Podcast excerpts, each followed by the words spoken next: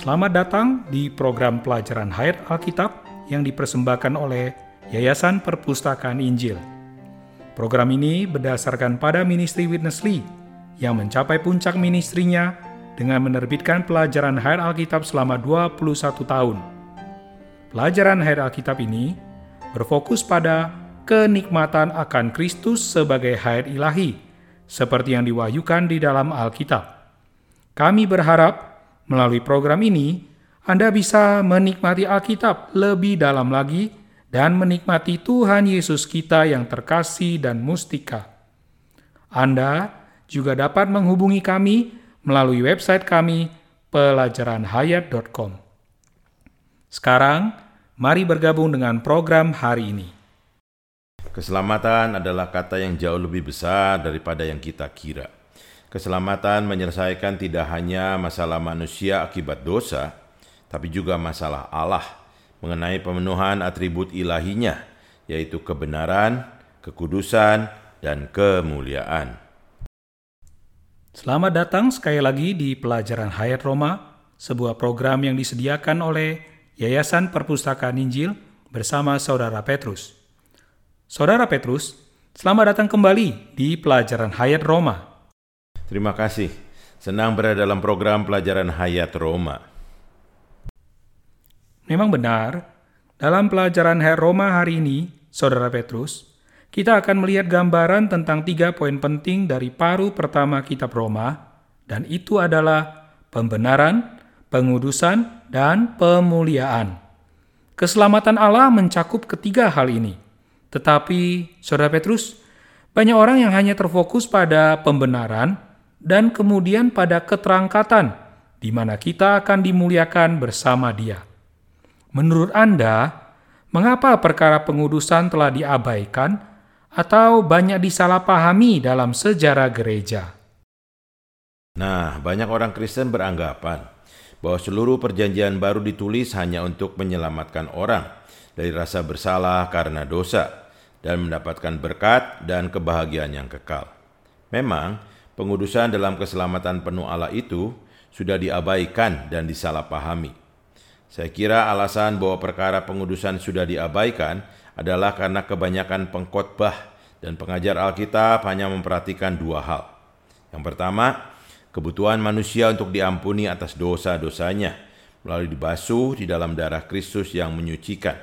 Dan yang kedua, pengharapan bahwa jika Tuhan datang, mereka akan diangkat dan dimuliakan. Pandangan semacam ini terlalu mementingkan kebutuhan dan keinginan manusia dan agak egois. Mereka jarang menekankan perkara perlunya penghidupan yang kudus, yaitu dikuduskan. Pemberitaan Injil yang demikian itu belum cukup lengkap, sehingga orang hanya dituntun untuk percaya. Tapi jika mereka telah menerima Kristus sebagai juru selamat, mereka tidak perlu melakukan apa-apa lagi selain menunggu kedatangan Kristus kembali dan diangkat. Mereka hidup dalam keyakinan bahwa mereka telah diselamatkan dari penghukuman, sehingga mereka sudah merasa puas. Saya yakin inilah sebabnya perkara pengudusan telah diabaikan. Dan Anda juga bertanya, mengapa menurut saya perkara pengudusan ini telah disalahpahami? Nah, memang ada beberapa orang mencoba menekankan aspek pengudusan, namun mereka menerapkannya secara luaran tentang bagaimana seorang Kristen harus berpakaian seberapa panjang rambut seorang perempuan seharusnya, dan semua hal-hal luaran lainnya. Namun, pengudusan dalam Alkitab sangat berhubungan dengan sesuatu yang jauh lebih dalam dan lebih subjektif daripada praktek-praktek luaran yang seperti itu. Saudara Witness Lee berbicara tentang tiga tahap keselamatan kita. Saya percaya kita akan melihat dengan sangat jelas bagaimana setiap tahap keselamatan itu berhubungan dengan atribut-atribut Allah, yaitu kebenaran, kekudusan, dan kemuliaan. Saudara Petrus, terima kasih atas persekutuannya. Mari bergabung bersama Saudara Witness Lee untuk pelajaran Hayat Roma hari ini. After condemnation, you have Paulus adalah seorang penulis ulung dan pemikirannya sangat dalam. Dalam surat Roma, Pertama-tama Paulus membahas penghukuman, kemudian membahas pembenaran, pengudusan, dan pemuliaan. Ketika Allah menanggulangi kita, Ia selalu memperhatikan ketiga aspek dari atribut ilahinya, yaitu kebenaran, kekudusan, dan kemuliaannya. Allah itu benar, kudus, dan mulia. Kebenaran berkaitan dengan tindakan, jalan, dan aktivitasnya. Setiap perkara yang dilakukan Allah itu benar. Kekudusan adalah sifat Allah. Kekudusan bukan perihal perbuatan, melainkan suatu sifat. Sifat dan hakiki meja adalah kayu. Hakiki buku adalah kertas. Demikianlah sifat Allah adalah kudus. Perbuatan Allah adalah benar dan sifat Allah adalah kudus. Apakah kemuliaan itu? Kemuliaan ialah terekspresinya diri Allah. Ketika Allah terekspresikan, itulah kemuliaan. Dalam tahap pertama karunia keselamatan Allah, kita menikmati kebenaran Allah. Itulah pembenaran yang di dalamnya kita mendapatkan kebenaran Allah. Dalam tahap kedua, kita berada dalam proses pengudusan yang di dalamnya Allah menggarapkan sifat ilahinya ke dalam kita. Jika Allah belum melalui proses, ia tidak tersedia secara praktis untuk merampungkan pekerjaan pengudusan yang subjektif. Sebelum Allah melalui proses, ia dapat menciptakan dunia, tetapi ia tidak dapat masuk ke dalam ciptaannya. Meskipun ia dapat melakukan banyak hal di luar kita, namun ia tidak dapat masuk ke dalam kita. Setelah ia mengalami seluruh proses inkarnasi, penyaliban, dan kebangkitan, barulah ia menjadi roh hayat yang praktis. Ia kini bagaikan udara yang kita hirup. Dengan mudah sekali ia masuk ke dalam kita. Sebagai roh hayat yang praktis, Allah kini telah masuk ke dalam roh kita dan membuat roh kita menjadi hayat. Karena Kristus, roh pemberi hayat ini, ada di dalam kita, roh kita menjadi hayat karena kebenaran. Demi kelahiran kembali, Tuhan telah membuat roh kita menjadi hayat. Sekarang, sebagai roh hayat yang berada di dalam roh kita, ia sedang memperluas dirinya dari roh kita ke jiwa kita yaitu pikiran, emosi, dan tekad kita. Akhirnya, ia bahkan akan meluas sampai ke tubuh kita yang fana. Dengan demikian, Allah menjenuhi kita dengan dirinya. Penjenuhan ini disebut pengudusan. Melalui penjenuhan ini, Allah menggarapkan dirinya dan sifat kudusnya ke seluruh diri kita, ke dalam roh, jiwa, dan tubuh kita. Jadi, seluruh diri kita akan sepenuhnya diresapi, dikuduskan dengan sifat kudusnya. Sekarang, kita sedang mengalami proses pengudusan ini, yakni tahap kedua dari karunia keselamatan Allah. Tahap berikutnya, kita akan diangkat dan dimuliakan. Itulah saat tubuh kita tertebus. Dimuliakan berarti tubuh kita yang hina ini diubah menjadi tubuh yang mulia.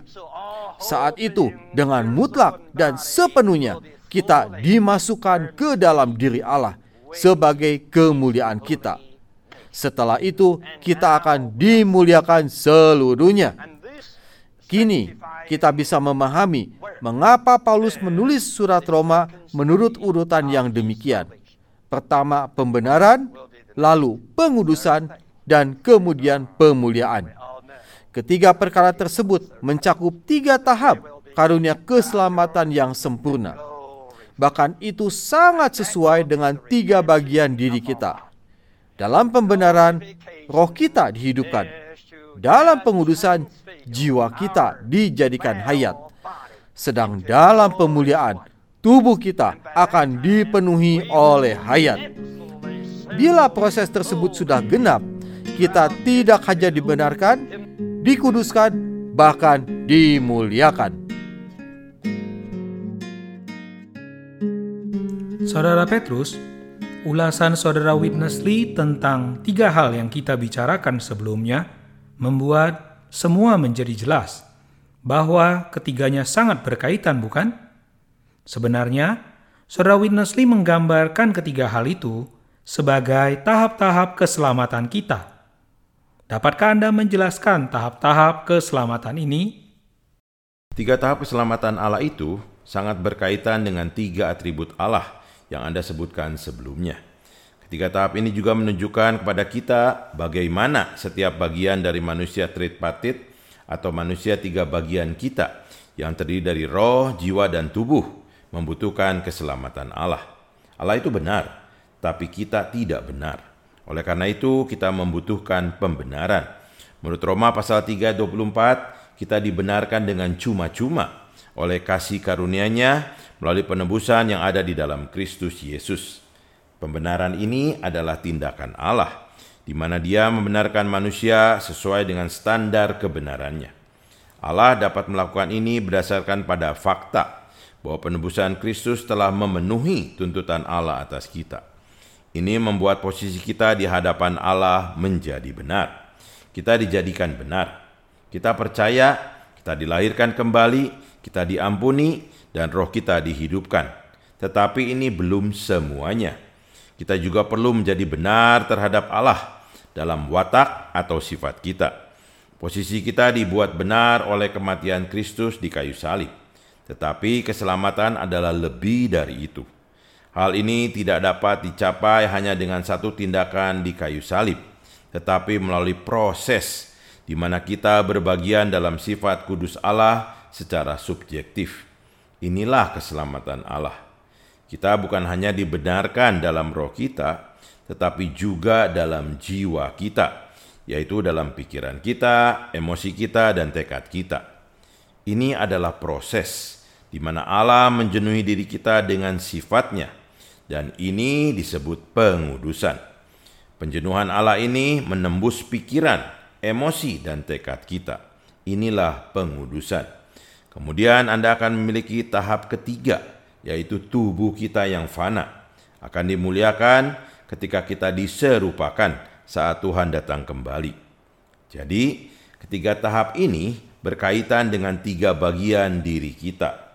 Roh kita dijadikan benar oleh kematian Kristus di kayu salib ketika kita menerima keselamatannya. Kemudian, melalui terus berada di dalam Dia, melalui firman dan doa, kita berbagian dalam sifat ilahi. Inilah pengudusan kita. Kemudian kita akan dimuliakan melalui transfigurasi tubuh kita pada saat Dia datang kembali. Saudara Petrus, terima kasih telah menjelaskan istilah-istilah yang kita pakai dalam keselamatan penuh Allah. Ini jauh lebih penting daripada sekedar perubahan posisi kita. Mari kita kembali kepada saudara Witness Lee untuk mempelajari lebih lanjut tentang pelajaran hayat kitab Roma. Now, please tell me in what stage we are. Dalam tujuh setengah pasal di depan dari surat Roma, istilah hayat sering dipakai. Hayat ini terutama untuk pengudusan.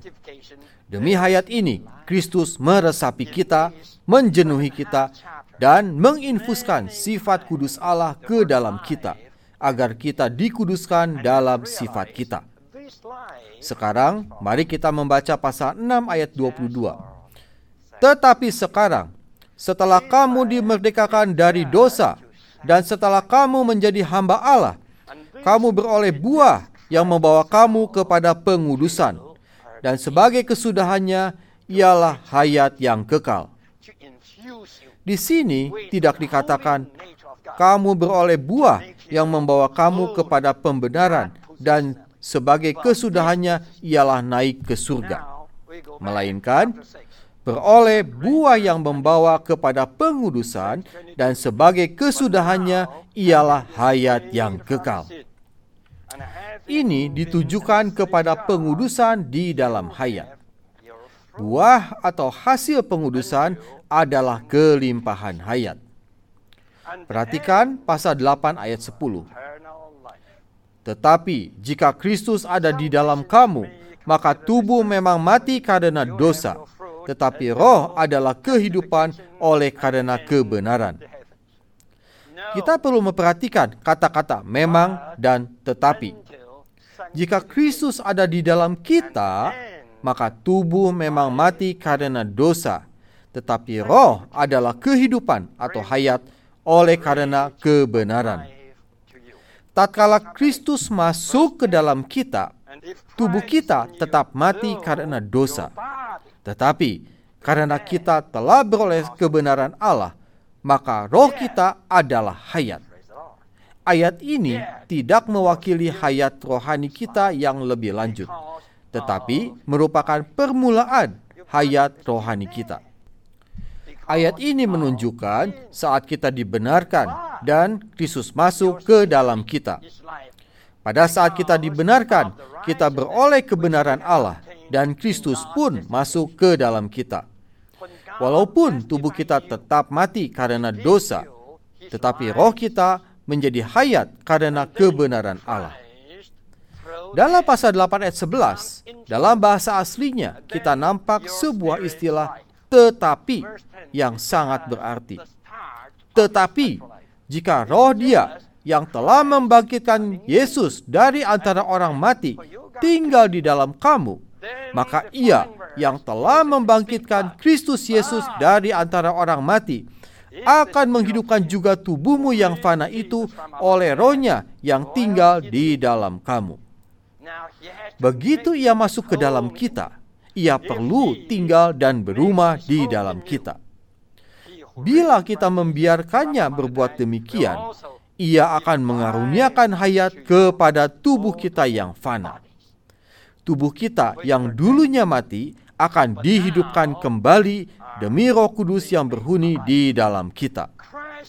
Ketika Roma pasal 8 ayat 10 mengatakan bahwa Kristus ada di dalam kita, hal itu ditujukan kepada tahap pertama pengalaman rohani kita. Ketika ayat 11 mengatakan Roh Kudus tinggal di dalam kita, itu merupakan tahap yang lebih lanjut. Pada waktu Kristus masuk ke dalam kita, ia menghidupkan roh kita dan membuatnya menjadi hayat. Tetapi ketika Kristus tinggal dan berumah di dalam kita, ia menghidupkan tubuh kita dan meresapinya dengan hayat. Ingatlah bahwa Roma pasal 8 ayat 10 menunjukkan tahap pertama atas masuknya Kristus ke dalam kita. Dan saat itu roh kita adalah hayat sedang tubuh kita tetap mati. Akan tetapi, bila mulai saat itu kita membiarkan Kristus berumah di dalam kita, yakni membiarkannya memperluas dirinya ke dalam pikiran, emosi, dan tekad kita, ia bahkan akan menyalurkan dirinya ke tubuh kita sebagai hayat. Pada saat ini, tubuh kita pun akan dijenuhi oleh hayat, terutama untuk pengudusan. Roma pasal 8 ayat 13 melanjutkan, Sebab jika kamu hidup menurut daging, kamu akan mati. Tetapi jika oleh roh kamu mematikan perbuatan-perbuatan tubuhmu, kamu akan hidup. Jika kita mematikan perbuatan-perbuatan tubuh kita oleh roh, kita akan hidup. Ini terutama untuk pengudusan, agar kita diresapi oleh Kristus secara tuntas dan sepenuhnya.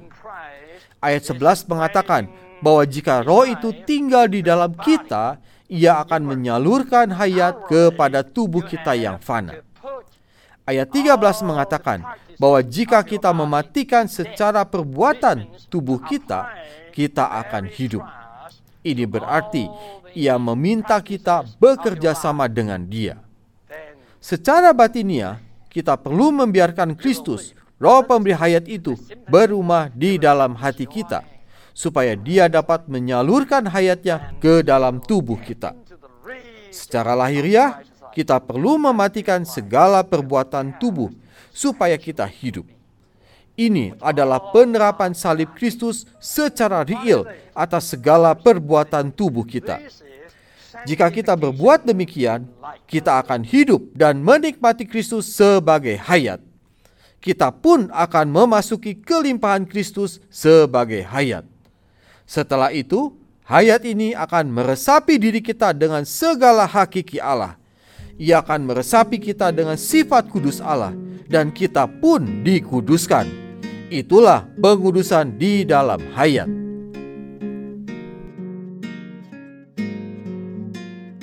Saudara Petrus, kita memiliki sebuah ayat dalam Roma pasal 8, yaitu ayat 10, yang digambarkan oleh saudara Witness Lee sebagai awal dari kehidupan rohani kita. Jika Kristus ada di dalam Anda, roh adalah hayat karena kebenaran. Apa yang dimaksud dengan ungkapan roh adalah hayat dan bagaimana penerapannya dalam hidup kita? Ini adalah pertanyaan yang sangat penting. Roh dalam Roma pasal 8 ayat 10 mengacu pada roh manusia kita. Ketika Kristus bangkit dari antara orang mati, seperti yang tercatat dalam 1 Korintus pasal 15 ayat 45, dia yang adalah Adam yang terakhir menjadi roh pemberi hayat. Dan sebagai roh itu, Kristus sekarang dapat masuk ke dalam kaum berimannya, yaitu ke dalam roh mereka. Kami sudah mengatakan bahwa manusia itu tripartit, atau memiliki tiga bagian. Dia memiliki roh, dia memiliki jiwa, dan tentu saja dia memiliki tubuh. Keselamatan Allah adalah untuk menggarapkan roh pemberi hayat ini ke dalam roh kita, jiwa kita, dan tubuh kita. Ketika Kristus sebagai roh pemberi hayat ini masuk ke dalam roh kita, roh kita menjadi hayat. Hayat telah disuntikan ke dalam roh kita melalui menerima Kristus sebagai roh pemberi hayat. Jadi, Penerapannya di sini adalah pada saat roh pemberi hayat menggarapkan dirinya sendiri ke dalam kita, pikiran kita menjadi hayat. Ini menyeratkan bahwa pikiran kita akan diperbarui dan kita akan memiliki pikiran Kristus. Lebih lanjut lagi, semakin kita mengalami roh pemberi hayat ini dalam diri kita, dia akan memberikan hayat bahkan ke dalam tubuh fana kita. Jadi dengan mengatakan roh adalah hayat, berarti roh kita menjadi hayat melalui menerima Kristus sebagai roh pemberi hayat ke dalam roh kita. Kemudian dia menembus dan menjenuhi semua bagian jiwa kita sehingga pikiran kita pun menjadi hayat. Bahkan dia akan memberikan hayat ke dalam tubuh fana kita. Jadi saya berharap kita semua bisa menyadari bahwa hari ini kita umat Kristiani sedang ada di dalam proses pengudusan. Dari pengalaman kita, kita mengetahui bahwa proses ini berlangsung jika kita melatih roh kita, berseru kepada Tuhan, mendoa bacakan firman Allah, berhimpun bersama umat Allah, dan juga berbicara tentang Allah dan segala kekayaannya. Terima kasih, Saudara Petrus. Ini benar-benar awal dari kehidupan rohani kita. Mari kita kembali ke Saudara Witness Lee untuk kesimpulan pelajaran hayat kita.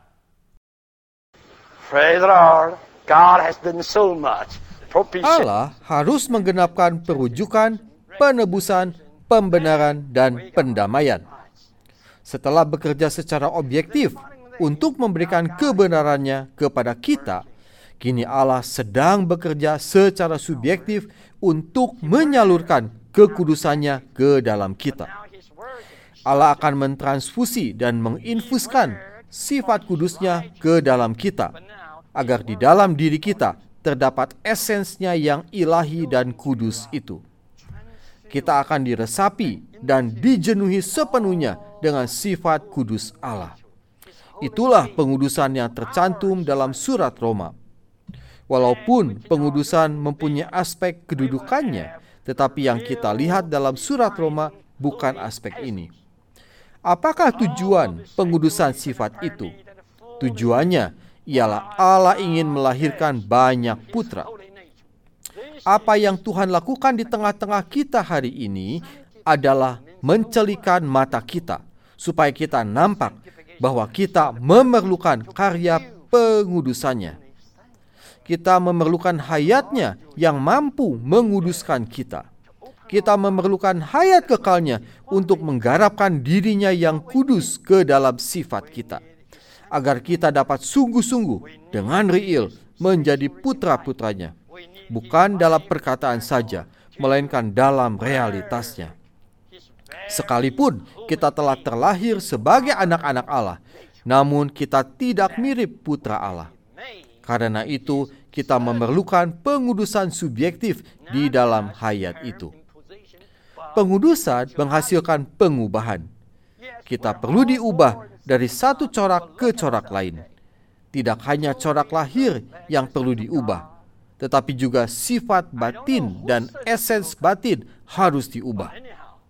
Pengubahan substansi batin ini memerlukan proses pengudusan. Terpujilah Tuhan, Ia bekerja di dalam kita. Kita telah dibenarkan, kita kini sedang dalam proses pengudusan. Allah menggarapkan kekudusannya ke dalam kita, dan kita akan dikuduskan di dalam hayat. Tuhan bekerja di dalam roh kita, dan dari pusat diri kita terus meluas ke setiap bagian kita, hingga mencapai lingkaran sekitarnya. Kemudian, kita akan diresapi sepenuhnya oleh sifat kudusnya itu. Jadi, seluruh diri kita akan dikuduskan oleh Kristus, roh pemberi hayat, dan oleh hayatnya yang empat ganda. Saudara Petrus, saya ingin mengulangi doa singkat Saudara Witness Lee di sesi terakhir ini. Agar Tuhan mencelikan mata kita, supaya kita nampak bahwa kita memerlukan karya pengudusannya.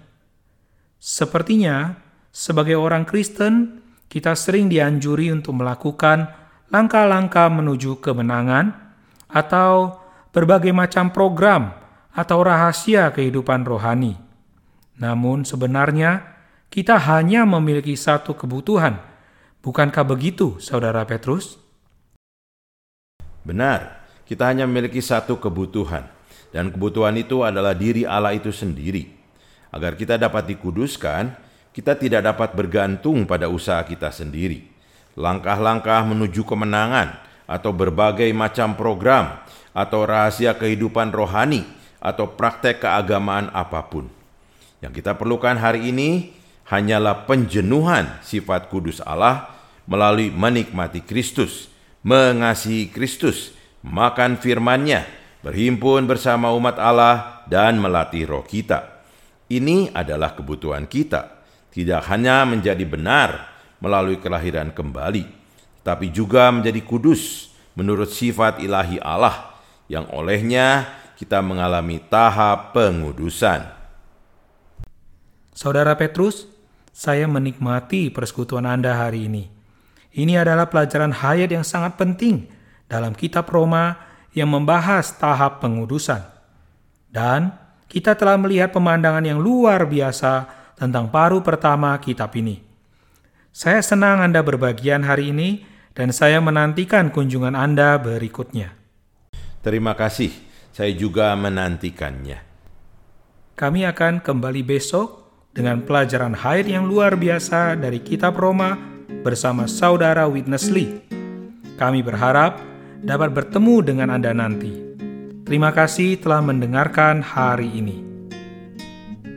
Anda telah mendengarkan pelajaran Hayat Alkitab bersama saudara Witness Lee.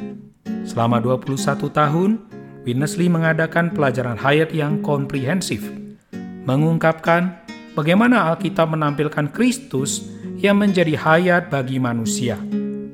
Program audio ini berdasarkan pada berita-berita tersebut. Tetapi untuk mendapatkan kekayaan penuh dari pelajaran hayat, kami berharap Anda dapat mengunjungi situs web kami pelajaranhayat.com. Di sana, Anda dapat mengunduh lebih banyak program audio seperti ini dan semuanya gratis. Sekali lagi, situs webnya adalah pelajaranhayat.com. Terima kasih telah mendengarkan siaran hari ini.